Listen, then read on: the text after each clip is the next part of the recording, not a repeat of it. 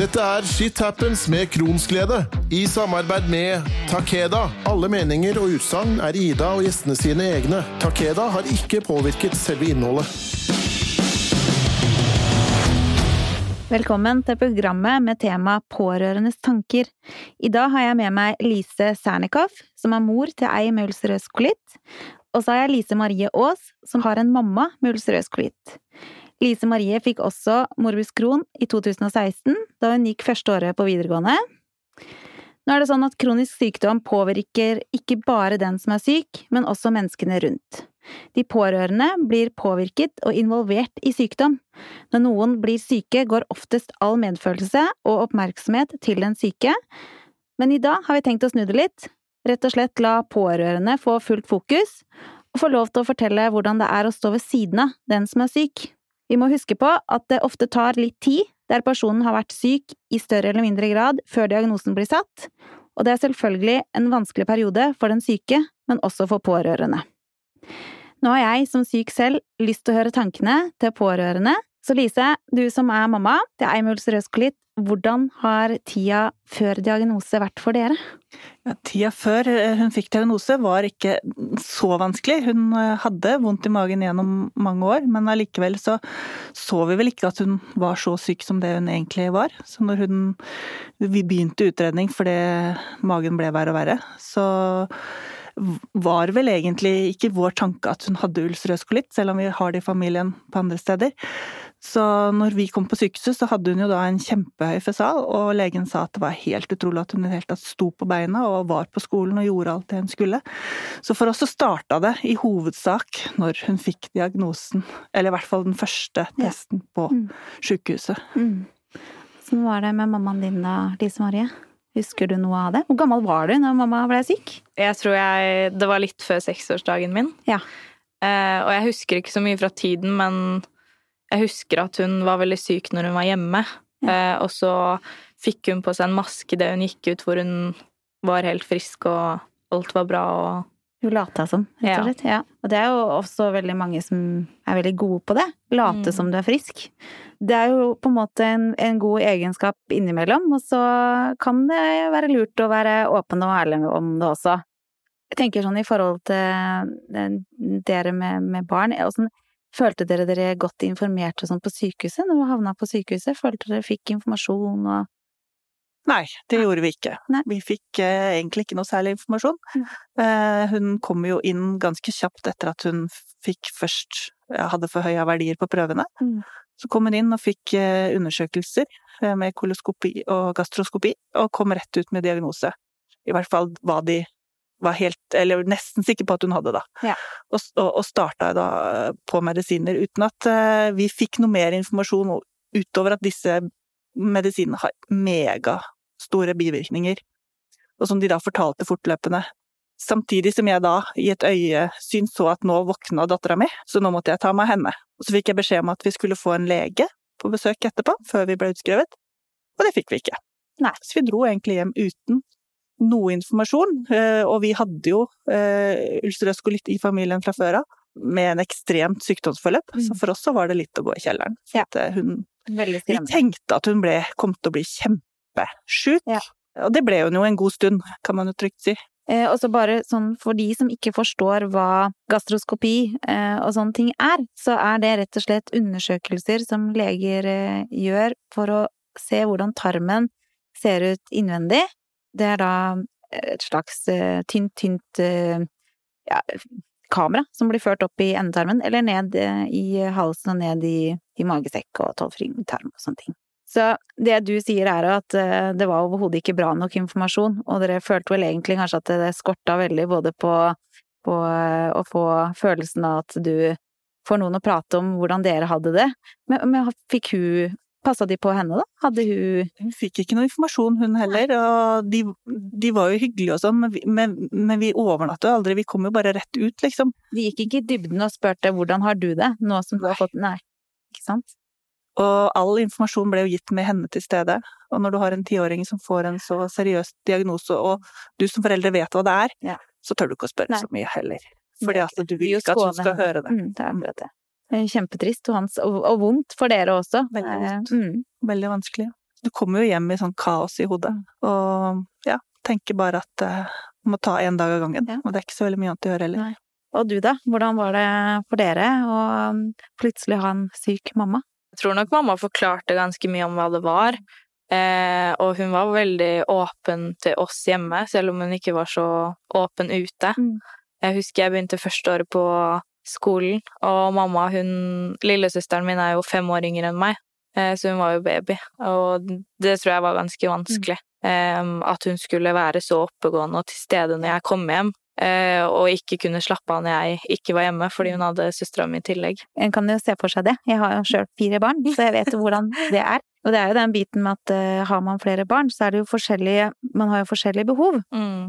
Og det er det at det er vanskelig å, dekke det, og det snakka vi litt om i stad også, Lise. Den derre eh, Har man én syk, eh, et sykt barn, og et barn som er friskt, så er det veldig vanskelig å skulle klare å dekke behova på en måte som er god nok for begge to, da. Eller alle tre, eller spørs hvor mange man har. Ja.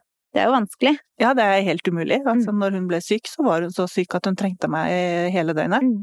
Eh, Vi delte seng, eh, og lillesøster var sjalu Mm. eh, og gikk til pappaen. Og etter hvert så var hun 100 pappajente etter et par måneder, for hun skjønte at det var ikke noe å hente hos meg. Nei.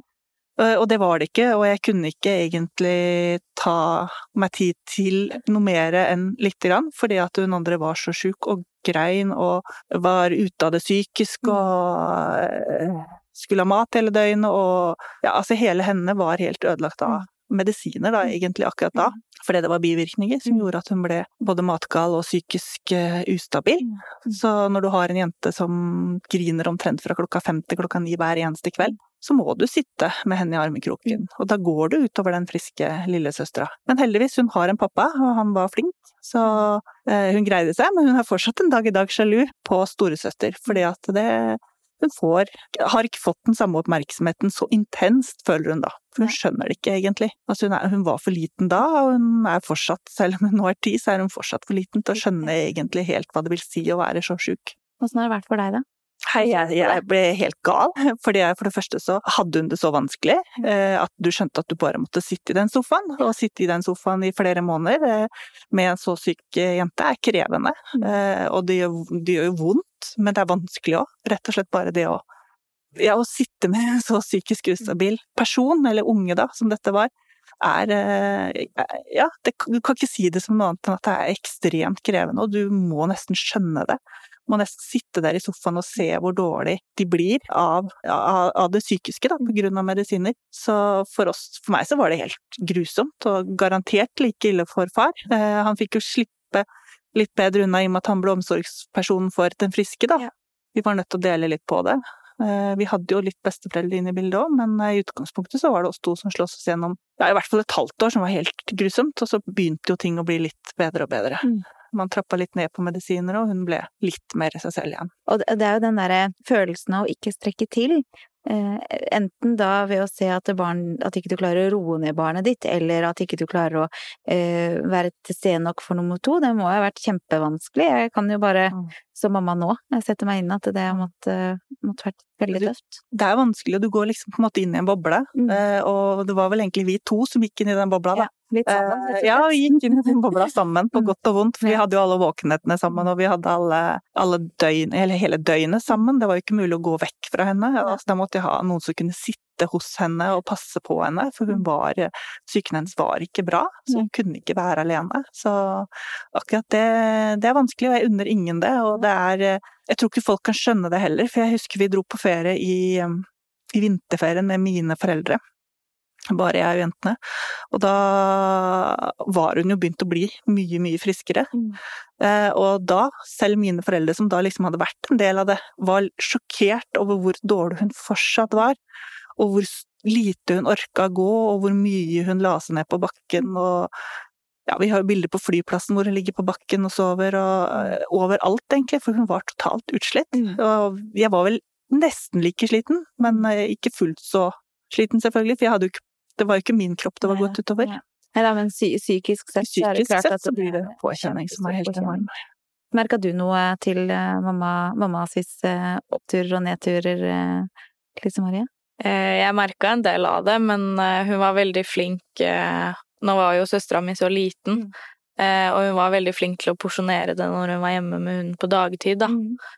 Og så heller prøve å fungere når vi alle var hjemme sammen. Ja. Mm. Men hun sov når søsteren min sov på dagen, og prøvde å slappe av i sofaen når hun lekte og prøvde så godt hun kunne, men det var jo dager hun var ekstremt sliten når jeg kom hjem også, Mm. hvor hun enten lå på sofaen eller lå i senga eller var på do, da. For det også er jo en, en, en stor ting eh, av livet med en kronisk eh, mage- og tarmsykdom. Det er jo den doen. Eh, og det er klart at eh, en må jo omtrent ta flere doer i et hus, for i perioder så går det jo mye på do. Men så er det jo også sånn at det er ikke alle som har det sånn. Og dere har litt motsatt eh, forløp hos eh, datteren deres, eh, Lise. Ja, hun har det helt motsatte. Hun har hatt ulcerøs kolitt med forstoppelse, så hun eh, har ikke kommet på do. Eh, og har vært en del av, de største smertene har jo rett og slett vært i at hun ikke har kommet på do. Så hun har jo da gått, eh, går jo da også har jo da i lange perioder gått på medisiner også for å komme på do. Nå har vi jo klart å eh, endre kosthold i forhold til det, sånn at hun nå kommer seg på do sjøl, da. Men eh, det var jo også en grunn til at man ikke helt skjønte hva som feilte henne, for hun gikk jo ikke på do. Og det, og det jo, må jo ha vært vanskelig også da å nesten finne diagnose, for det er jo såpass eh, Alle tror eh, at har du eh, ulcerøs kolitt eller Crohns, så har du masse diaré. Eh, som en av Det har alle. Men så er det jo ikke sånn at alle har det. Nei. Hvordan eh, funka det? Nei, altså hun, hun hadde jo da vondt i magen, men eh, vi skjønte det jo egentlig ikke før vi til slutt fikk en test, da, eh, som gikk på at man testa avføringen, og, hun, og det slo ut med enorme verdier. Så egentlig så, så var det jo egentlig en helt banal test hos legen som gjorde at vi skjønte hva det var. Og jeg må jo si at ettertid så har jeg tenkt på at hvorfor i all verden tar de ikke den litt oftere? Ja, For vi har jo i mange år hørt at barn har mye vondt i magen, og det var jo mye spørsmål om hvordan det var på skolen, og hvordan det var Mm. forskjellige steder. Mm. Og ting var ikke helt greit på skolen heller, så det, det, det kunne jo like godt ha vært det òg. Mm. Så, så, så man skal nok være flinkere til å ta barn litt mer Mm. på alvor. At eh, når de faktisk Og hun hadde jo også året før, så hadde hun en sykemelding fra skolen, i hvert fall på et par uker, hvor hun satt og ikke gjorde noen ting. Mm. Og vår datter har egentlig litt ADHD. Hun Ja. har ikke det, men altså, hun er, var veldig aktiv. Mm. Hun kunne kunne ikke sitte stille og spise. Og, og ble jo veldig annerledes etter hvert som hun ble syk, så ble hun mye roligere i kroppen. Og er jo fortsatt for så vidt roligere. Og du, Lise Marie, har du Hvordan har liksom livet med syk mamma vært? Har det, eh, nå som du har blitt eldre, tenker sånn ungdomstid, det å skulle på en måte ta med seg venner hjem Altså, det er jo mange ting eh, som en kan kjenne på når en eh, ikke har en frisk mamma, da, som orker like mye som alle andre. Har hun hatt såpass maske, eh, båret den såpass mye at ingen har skjønt noe, på en måte? Eller har hun Hun fortalte jo aldri det at vi ikke skulle si noe, selv om hun ikke sa noe selv. Nei. Men det var ikke noe jeg på en måte fortalte til noen heller. Nei. Jeg fortalte det hvis noen merka det, mm. Eh, men hun gikk veldig mye med maske hjemme også når Ja. Vi hadde besøk. Mm. Hun var veldig flink til å skjule det. Men husker du, husker du spesielle opplevelser der du på en måte kjente på at eh, du skulle ønske at du hadde en frisk mamma? Eller husker du det bare som en sånn Jeg spør jo fordi at jeg er jo en, en syk mamma sjøl, så for meg så er det kjempeinteressant å høre hvordan du som, som barn har opplevd øh, hvordan det er å ha på en måte en, en øh, syk mamma. Tenker at det er jo en øh, en litt spennende tanke å det er spennende for meg å høre. Jeg har jo aldri opplevd mamma som noe annet enn syk. Nei. Eh, Jeg husker jo ikke fra den tiden hun var frisk, Nei. hvis hun har vært det når jeg har levd, Mm. egentlig. Men jeg var jo veldig mye med andre venninner hjem, Mm. og så jo at de De foreldrene var friske Mm. og var med på ting og gjorde masse ting hjemme, og mamma var liksom Hun satte seg på en måte ned i sofaen når hun kom hjem og orket ikke lage middag, eller orket ikke gjøre ting, da. Og jeg skulle jo aldri ønske noe annet enn at hun var frisk. Nei, Eh, Det gjør man jo ikke, Nei. men jeg har jo hatt mamma veldig mye til stede for det, fordi hun har vært så flink til å skjule det, og da har hun på en måte prøvd å gjøre andre ting for at vi skal alltid ha det bra og sånn. Ja. Mm. Men har du opplevd å føle deg annerledes enn andre? Ja, jeg gikk jo på idretter når jeg var liten, Mm. som de fleste andre Mm. barn. Eh, og det var jo ganger hvor mamma ikke kunne møte opp på Mm. danseoppvisninger Mm. eller være med på ridetimer fordi hun var dårlig. Mm. Så det har jeg jo Mm. følt litt på, men jeg har jo alltid visst hvor syk hun har vært. Ja. Så for deg så tak du takla det, men tenkte du noen gang på hva andre tenkte? Altså Mm. siden mamma ikke var der, på en måte? Nei, det tror jeg ikke, Nei. fordi hun har alltid vært med på ting. Eh, hun var alltid den første til å være med på skoleturer til Oslo, og Mm. Ja. alltid den første som kjørte og henta fra Mm. bursdager, og hun kunne hente så mange bilen hadde plass Ja. til, liksom. Mm. Eh, Så, Så jeg tror- veldig til stede, på en Ja. måte, når du har vært til stede. ja. Mm. Så jeg tror ikke noen har merka det. Det er jo gjerne sånn nå at en, en ønsker å, å være så god mamma som overhodet mulig når Mm. man er frisk nok til det. At det, en går jo går veldig opp i den oppgaven. Hun jobbet jo på SFO når jeg var liten, eh, så hun var jo ekstremt sliten når hun kom hjem. Mm. Eh, og de gangene hun ikke orket å reise seg fra sofaen, så husker jeg at eh, hun alltid spurte om jeg kunne sette meg ned og se film hun eller noe, fordi Mm. da var vi sammen, Ja. men ikke gjorde noe som hun ble sliten av. Da. Mm. Jeg må jo si at jeg kjenner meg veldig igjen i det du, det du snakker om nå, er jo ting som er veldig kjent for meg. Eh, For det er jo akkurat sånn, sånn jeg også s- gjør når eh, formen ikke er god. Vi var litt inne på det i stad i forhold til eh, skole. For hun gikk jo på skole når hun ble syk, hun datteren din. Mm. Åssen åssen fungerte dette? Nei, det fungerte ikke så veldig bra, egentlig. For hun ble jo sjuk i begynnelsen av september, tenker jeg, i femte klasse. Eh, Og var de første ukene overhodet ikke på skolen. Ikke etter ja, var vel for skolen kanskje noen få dager nærmere jul. Mm. I begynnelsen av desember at hun var en time til to på skolen bare for at hun skulle komme ut. Altså jeg var litt opptatt av at da hadde hun energi til å være der en time, så kunne vi hente henne, og så kunne hun komme hjem igjen. Så det var hun. Og hun ja, klarte jo ikke egentlig å gjennomføre noen lekser hjemme. Vi klarte ikke Vi hadde litt sudoku, litt sånn småting som kunne nærme seg skole hjemme ved gode øyeblikker, men ellers så var det ikke noe hun klarte å gi, og hun klarte ikke å opprettholde kontakt med venner. Eh, Så i teorien så var hun nok ikke på skolen noe særlig før påske i femte klasse. Mm. Eh, Og da var hun helt utslitt. Så det hun fikk med seg av undervisning, det tror jeg ikke var veldig mye. Og da hadde hun heller ikke noe energi til å gjøre noen lekser ennå. Mm. Eller ta igjen noe av det faget hun hadde mista i løpet av året. Så i teorien så tenker jeg at hun mista nesten hele femte klasse. Mm. Eh, Og per i dag, som hun har nå har begynt på ungdomsskolen, så ser vi jo store hull Mm. eh, som hun rett og slett mangler av undervisning. Og nå begynner jo karakterene å komme. Og de begynner å kunne klare å sortere det ned på helt konkrete Mm. ting som er, hun rett og slett ikke har lært, da. Mm. Som er borte. Eh, Og man tenker jo hele tiden at man klarer å ta det igjen, at man kanskje kan, når sommeren kommer og man blir bedre, så skal man liksom sette seg ned med de. For de er jo ennå på et stadium hvor man kan lære de selv. Mm. Men det er ikke noe energi der, verken hos oss voksne var det det, eller hos henne, til å da begynne å, å, å gjøre mer enn det hun da måtte gjøre som vanlige elever i Mm. sjette klasse når sjette klasse begynte. Så hullene ble der, og det var ikke noe egentlig hjelp å få fra skolen. Det var ikke noe kontakt der, det var ikke noe informasjon. De spurte vel ved påsketider om vi kanskje burde søke om eh, å få hjemmeundervisning, Mm. men da var jo på en måte ting over, og det var for seint, og det var ikke så veldig mye hent hos meg til å begynne å sende undersøkelser og eh, få hjelp til å klare dette. Vi var ikke der, vi hadde ikke noe mer å gi da, så det ble ikke gjort noe. Eh, en er jo i en ekstrem situasjon eh, hvor en eh, ikke hvor det ikke burde vært nødvendig at en sjøl skal innhente informasjon.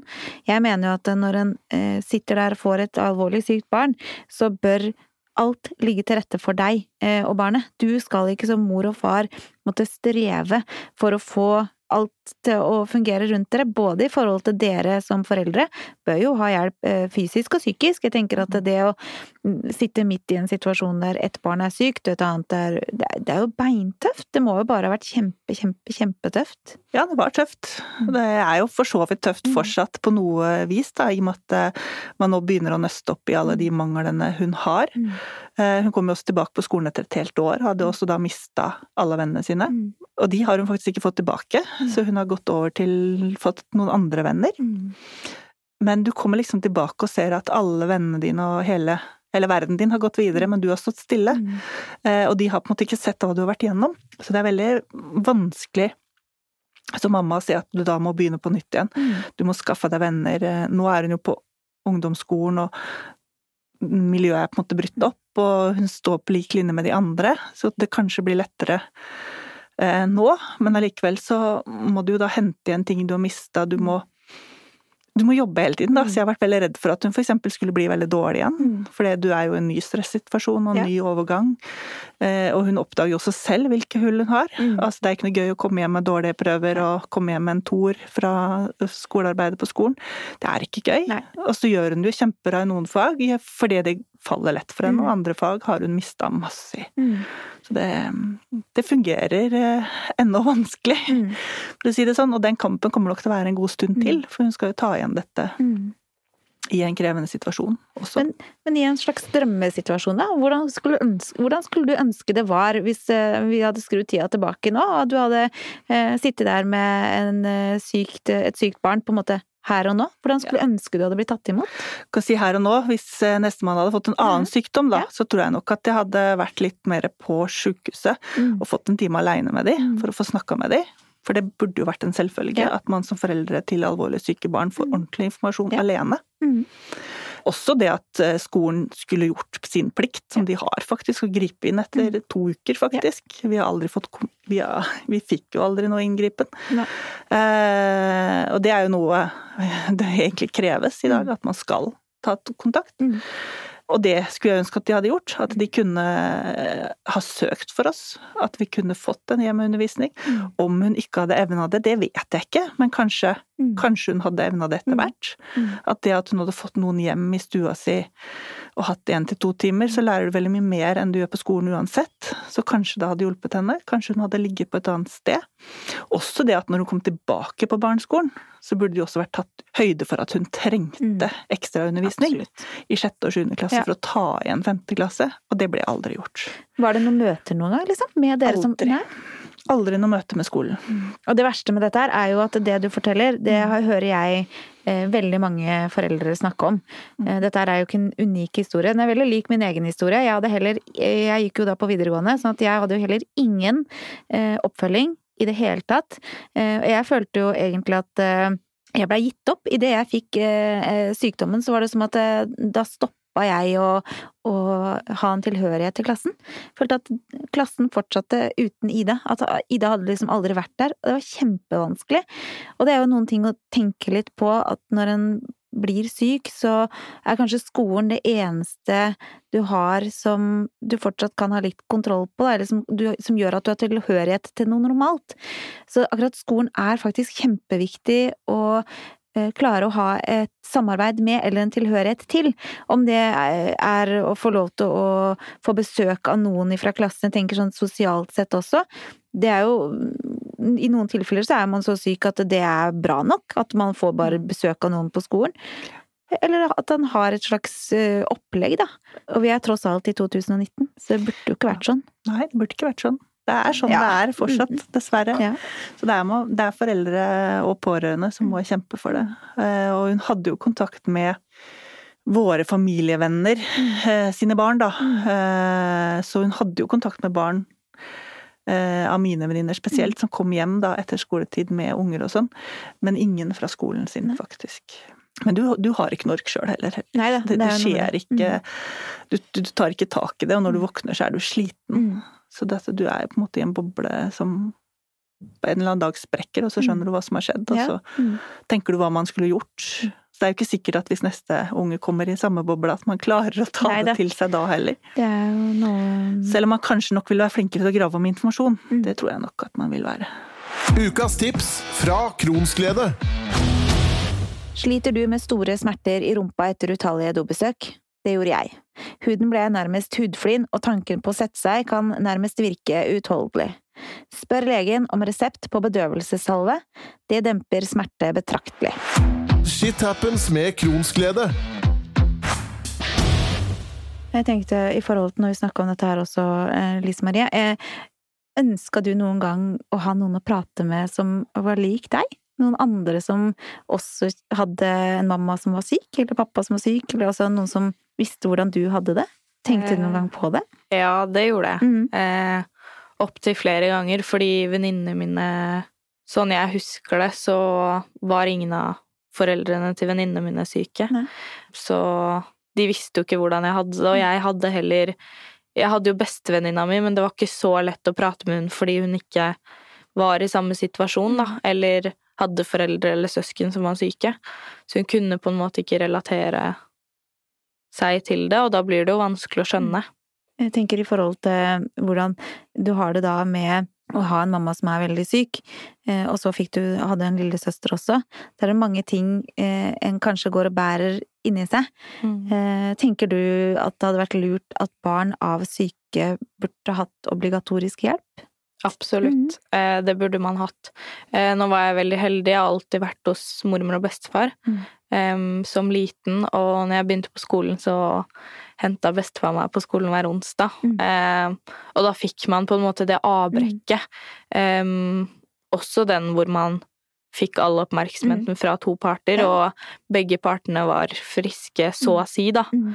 Så man burde absolutt fått hjelp, Mm. eller i hvert fall Det er nok kanskje vanskelig å spørre en seksåring om hun trenger noen å prate med, men at man kanskje burde vært litt mer oppmerksom Mm. både fra skolen sin del, og også fra sykehuset, da, eller de som fulgte opp Mm. mamma.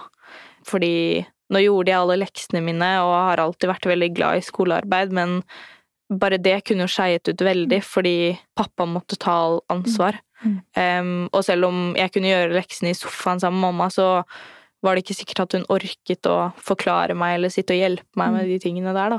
Og følte du Var, mammaen din innlagt på sykehuset innimellom når du var liten? Um, nei, det tror jeg ikke. Nei. Hun hadde veldig god oppfølging av uh, fastlegen Mm. sin. Um, men jeg tror ikke hun var Hun var nok så syk at hun burde vært innlagt, Ja.